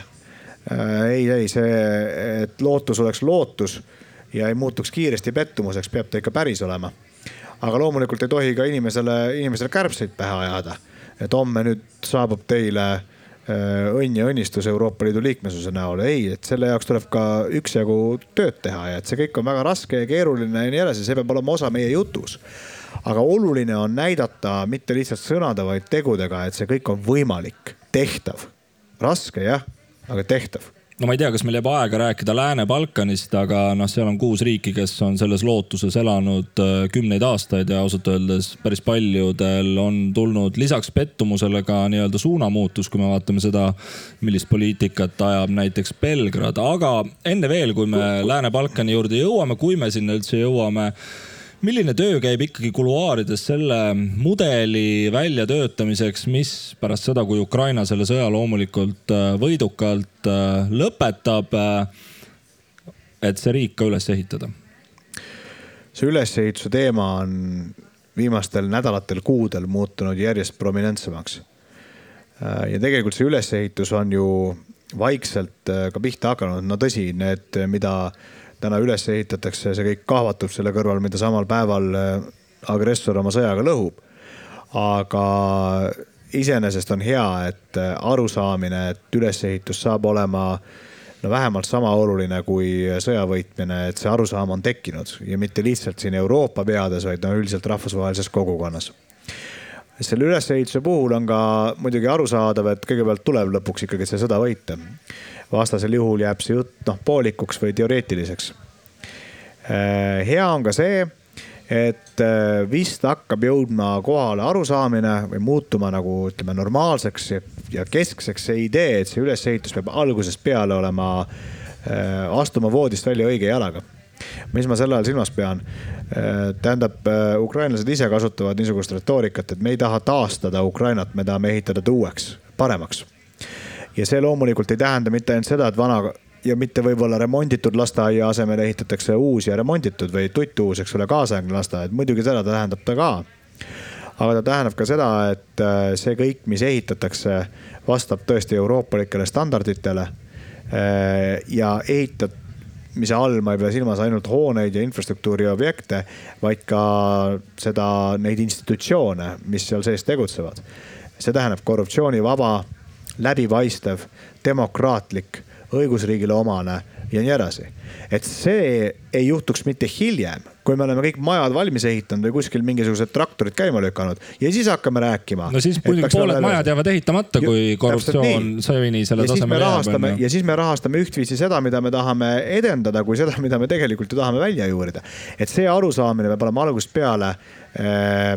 Äh, nii nagu räägitakse infotehnoloogias suuremate süsteemide ehitamisest, et sa pead selle turvalisuse komponendi võtma algusest peale arhitektuuri osaks. hiljem midagi turvalisemaks muuta on kaugelt keerulisem, see siin on nüüd väga oluline veel, mis on väga oluline ülesehituse juures, et ukrainlased oleksid siin juhtrollis algusest peale ei saa ehitada üles kellegi teise riiki. ma arvan, et lääne kollektiivne õppetund üheksakümnendatest aastatest võiks olla see, et ei ole mõtet minna suurt riiki. noh, toonases näites Venemaad, minna õpetama, kuidas tuleb elada, kuidas tuleb olla see, see enamikul juhtudel ei ole sinu võimuses, enamikul juhtudel sa ei tunne neid olusid ja tihtipeale saad sa pöördvõrdelise tulemi. Ukraina on ka väga suur riik, väga uhke riik, väga võimsa ajaloo ja tugeva identiteediga riik. kui see sõda peaks neil edukalt äh, selja taga olema, siis seda enam. Äh, nad peavad olema mitte kõrvalistmel, vaid roolis selles ülesehitamisprotsessis. ja veel viimane asi, mis ma selle ülesehitamise kohta ütlen ähm, noh, kes äh, ikka korterisse sisse tuleb ja seal mööbli katki teeb, peab lõpuks selle kuidagi moel või teisel ka kinni maksma. no kui kätte ei saa kuritegijat, noh, ei saa talt otse seda raha välja nõuda, no ju siis tuleb mingisugune maks peale panna. Äh, mingile kaubale, mida tema jälle meile müüa tahab. ei ole moraalselt äh, õigustatav ega poliitiliselt jätkusuutlik demokraatlikes riikides see konstruktsioon, kus me ütleme, et ma ei tea, sina, Johannes, oma maksudest pead selle Ukraina ülesehituse nüüd kinni maksma. aga see täpselt samasugune teleajakirjanik teisel pool piiri, kes ka maksab makse, toodab telesaateid oma maksudest mitte ühte senti sinna panustama ei pea. olukorras, kus tema riik selle agressiooni ette võttis, aga sinu riik kedagi kuskil pommitanud ei ole. miks see sinu ülesanne üksi peab olema, see kõik kinni maksta, et sa üld humanitaarsetest, aga ka strateegilistest kaalutlustest pead otstarbekaks oma raha sellesse projekti panna, on mõistetav ja arusaadav. aga ei ole poliitiliselt jätkusuutlik seda üles ehitada ainult sinu rahakotile. sest varem või hiljem küsid sa väga õigustatud küsimuse, aga see, kes katki tegi, talle ka maks peale pandi. ma arvan, et see äh, küsimus seotuna üldse sõjakuritegude ja agressioonikuriteo vastutuse küsimusest peaks saama ja vaikselt saabki meie poliitika, eh, ma mõtlen lääne poliitika pärisosaks. ja nüüd tõesti ausalt, kõige viimane element, mis ma tahan öelda sellele küsimusele vastuseks. Eesti tahab selles kõiges mängida muidugi oma rolli me tahame olla seal eh, protsesside mõjutajate seas, me tahame näidata suunda, me arvame, et meil on mingisugune kogemus, mida teistel ehk ei ole, sest me tulime sellest kõigest läbi, kus meid aidati institutsioone ehitada. juhendati meid, me mäletame, mis oli eriti edukas ja mis oli kontraproduktiivne, kui meid üritati näiteks läbi avalikkuse õpetada, kuidas eurooplane olla olukorras, kus me olime sama eurooplane kui see, kes õpetas. ja nii edasi. me tahame selles kõiges rolli mängida, me oleme õudselt väikene ja see ülesanne on õudselt suur. Eh, Ukraina ülesehitamise ülesanne. nii suurt ülesannet pole Euroopas olnud alates Marshalli plaanist no ma just tahtsin küsida, kas need uue Marshalli plaani piirjooned siis lisaks sellisele üldintellektuaalsele mõistmisele, et jah, Venemaal peab seal olema oma osa ja meil peab olema seal oma osa ja Ukraina peab olema õigusriik ja see raha Üld, ei tohi minna vasakule, onju. kas need piirjooned tegelikult juba kusagil on ja. paika pandud, mingid laenud, mingid instrumendid hakkavad välja mõeldud? hakkavad kujunema, kuigi tõsi, siin tuleb nüüd vahet teha sellel rahal, mis läheb täna lihtsalt Ukraina riigi vee peal hoidmiseks ja sellel rahal, mis on noh, tegelikult ülesehitus, pisikesed, pisikesed esimesed sammud on ka juba päriselus nii-öelda põllul näha, aga need ma ütlen veel, on pisikesed ja pisikesed. eriti võrreldes selle ülesande suurusega, mis ees seisab ja ka sellega, et ma ütlen, iga päev lõhutakse rohkem, keegi jõuab seal taastada. Eestigi ehitab ühte lasteaeda, millele sai just hiljuti nurgakivi pandud ja mis loodetavasti enne aasta lõppu valmis saab. Eesti saab selles kõiges mängida rolli äh, nii poliitika kujundajana kui nii-öelda kaasalööjana siis, kui me oleme kohal äh, enne kui teised, kui me tegutseme kiiremini kui teised. kui kogu äh, maailma nii-öelda raha sinna Ukrainasse voolab, nii ülesehitusraha, mis on antud maksumaksja poolt, kui olgem ausad, see saab olema ju ka meeletu majanduslik äh, ähm, äh, äh, projekt, kui nii võib lihtsustada lugematule hulgale ettevõtetele. kui see kõik sinna lõpuks kohale jõuab ja meie pärast tundide algust kohal oleme oma ühe lasteaiaga siis noh, me jäämegi seda ühte lasteaeda sinna ehitama. me peame tegutsema kiiresti, me peame olema kohal varem, me peame näitama, et meie pakutud mudelid töötavad, et teistel on mõtet lüüa kampa meiega mitte oodata, et meie lüüaksime kampa nendega. olgu see siis mingite e-riigi lahenduste sinna viimisel, mingisuguse infrastruktuuri rajamisel, nagu selle lasteaia näide, mingite institutsioonide ülesehitamisel või muu. meie lähtekoht on päris hea. Ukrainlased päriselt väärtustavad seda, mida Eesti on nende toetuseks teinud. Eh, nad ei käsitle meid, eh, vähemalt mulle tundub, niisuguste õpetlike patroniseerivate eurooplastena. Eh, nad suhtuvad meisse erakordse sümpaatiaga.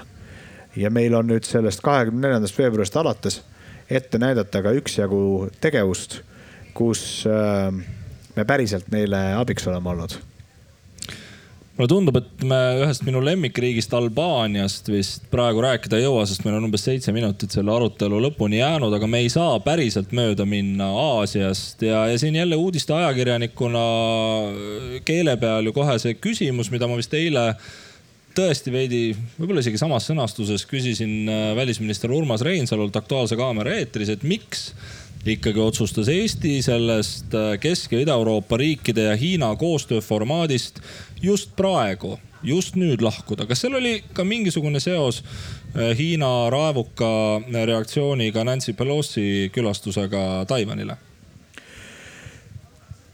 ei, seal ei olnud niisuguseid seoseid. Äh, meil oli soov, ausalt öeldes see soov on olnud juba päris pikka aega ja küpsenud päris pikka aega meil on soov äh, suhelda Hiinaga äh, kahepoolselt ja ka Euroopa Liiduna läbi Euroopa Liit-Hiina suhte. no mõistlikult ja teineteisest nii arusaavalt kui vähegi võimalik. ja me oleme juba mõnda aega pidanud seda äh, formaati ebavajalikuks selle meie ja Hiina suhte jaoks. nii et kes tähele neid asju paneb, pani tähele, et niisugustes kitsamates äh, koostöötegevustes, mis selle suure formaadi sees on, pole me juba ammu osalenud. Ähm, peaminister ei osalenud tippkohtumisel möödunud aastal. ega see üllatusena tule, et äh, meie eelistus äh, Euroopa Liidu liikmesriigina ja väikeriigina, muidugi niisuguse riigiga nagu Hiina suhelda meil on soov, aga meie eelistus ja see peaks läbi kumama iga meie poliitika elemendist, mitte ainult Hiina osas, vaid kõikide maailma küsimuste osas. on teha seda kas kahepoolselt või läbi Euroopa Liidu. muud seletust ei olegi. Taiwan'i esindust Tallinnas avama ei hakata veel, nii nagu see on Vilniuses no usu mind, kui mingi niisugune asi peaks juhtuma, siis Aktuaalne Kaamera teeks sellest esimese uudise aga no see Nancy Pelosi külaskäik, mis tõesti üsna raevuka reaktsiooni Hiina poolt vallandus, sul noh no oletame, et sa istuksid seal äh, Valges Majas ja saaksid selliseid ähm, selliseid visiite kujundada, siis äh, kui palju sul seal nagu ähm, plusspoolel neid argumente, kui palju miinuspoolel neid argumente oleks, mis, mis äh, määraksid, kas minna või mitte minna? oli see vajalik käik? see sõltub vaatenurgast ja kes annab vastust ja siin on, ma arvan, tegelikult peidetud, siia on tegelikult peidetudki see koer, kui nii võib öelda Valges Majas ei tõmmatud mingeid plusse ja miinuseid, no võib-olla tõmmati. aga Valge Majas istub Ameerika president, täidesaatev võim. noh, mis nad seal arvasid, ei arvanud, eks nad andsid ka mingisuguseid avalikke kommentaare enne seda, kui juba kuuldus tuli, et äh, esindajate koja spiiker plaanib sinna minna.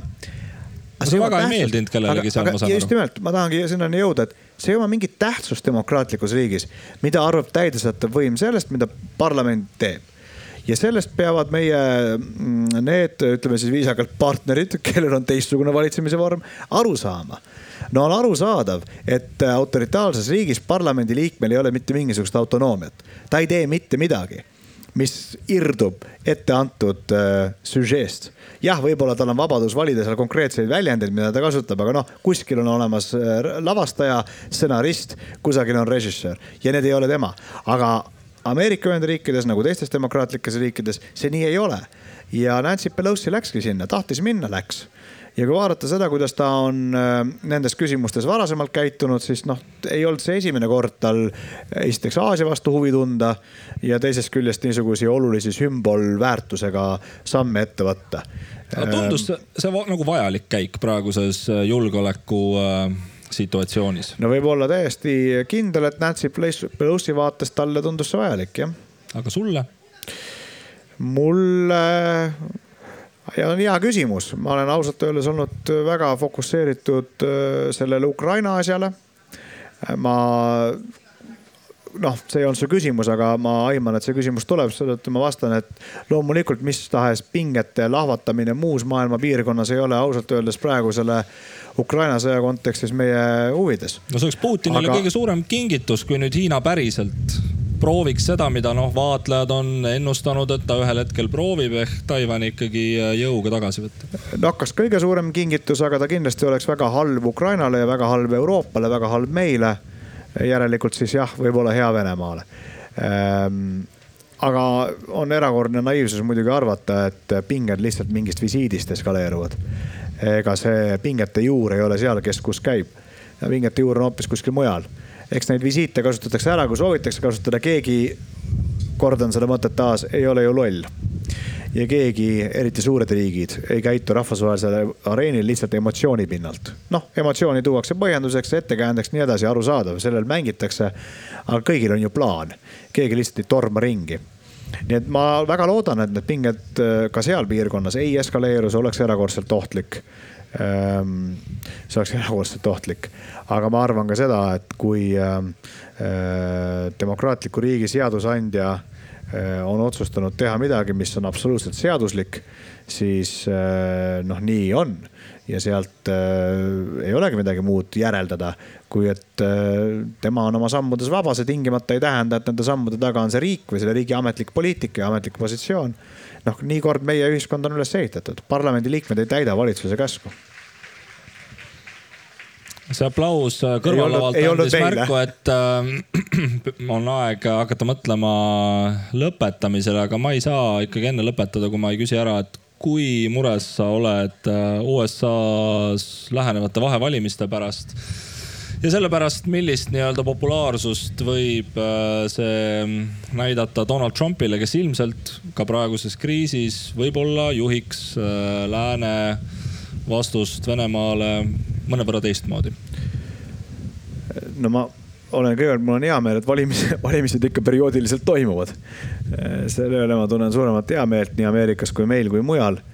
Ehm, ja ühtegi parteid teistes riikides ma loomulikult avalikult siin valima ei hakka, mul pole niisugust õigustki. aga ma olen sellepärast küll mures, et meie ühiskonnade sees olevad vastuolud kasvavad, vähemalt mulle tundub, et kasvavad uskumatu kiirusega see on äh, halb, sellel ei ole lihtsat seletust, miks see toimub. aga ma olen üpris veendunud, et tegemist ei ole ei Ameerikale ega Ameerikale või ega Euroopale ainuomase nähtusega, seesama asi, sama trend. Äh, poliitiline spekter tõmbab ennast äärtesse äh, ja keskelt lõhki. tekivad igasugused noh, ütleme kogu arutelu läheb käremeelsemaks kokkuleppimise kohta keskel jääb vähemaks. see on ju iseloomulik praktiliselt kogu demokraatlikule maailmale. järelikult need juured ei ole mitte ühes või teises poliitilises süsteemis, vaid milleski põhimõttelisemas, selles, kuidas me ühiskondadena, majandusena, tehnoloogiliseltki äh, oleme nüüd arenema hakanud. see on äh, väga murelikuks tegev, ilma igasuguse naljata. kahekümne esimese sajandi need suured võitlused, geopoliitilised erinevate maailmakäsitluste süsteemide vahel demokraatia autoritaarsus, üks neid põhjuseid, miks Euroopal pole mõtetki tahta ennast Ameerikast lahti tõmmata ega vastupidi, Ameerikal Euroopast. me kambakesti koos kõik oleme ikka suhteliselt noh, mitte just väikesed, me oleme suured, aga mitte ainsad tegijad siin planeedil. ja teised süsteemid on teistsugused ja nad omavahel konkureerivad ja konkureerivad üpris jõhkralt ja aina jõhkramalt. aga me loomulikult ei ole mitte ainult välise surve all, me oleme ka sisemise surve all. me peame sellest äh, kiiresti välja kasvama ma ei tea, kuidas. mul ei ole retsepti, ma ei ole ka kuulnud kellegi retsepti omavat. aga sellest demokraatiaid sisemiselt täna häirivast haigusest, kus me lihtsalt läheme omavahel tülli ja tõmbame ennast lõhki, tuleb hästi ruttu välja kasvada, sest vastasel juhul me seda kahekümne esimest sajandit üle ei ela. head sõbrad aitäh, et te seda kahekõne jälgisite, aitäh, et te siia oma küsimuste ja mõtetega panustasite. mul on andmeid, et Joonatan jääb siia lavale veel pikemaks. laseme tal vahepeal hinge tõmmata ja ma usun, et kui teil on küsimusi, millele te veel vastust ei saanud, siis äh, lähenege Joonatanile nii-öelda kahepoolselt ja küllap need küsimused ka vastatud saavad. aplaus kantslerile, aitäh. selge see, et ega kõike kõike teha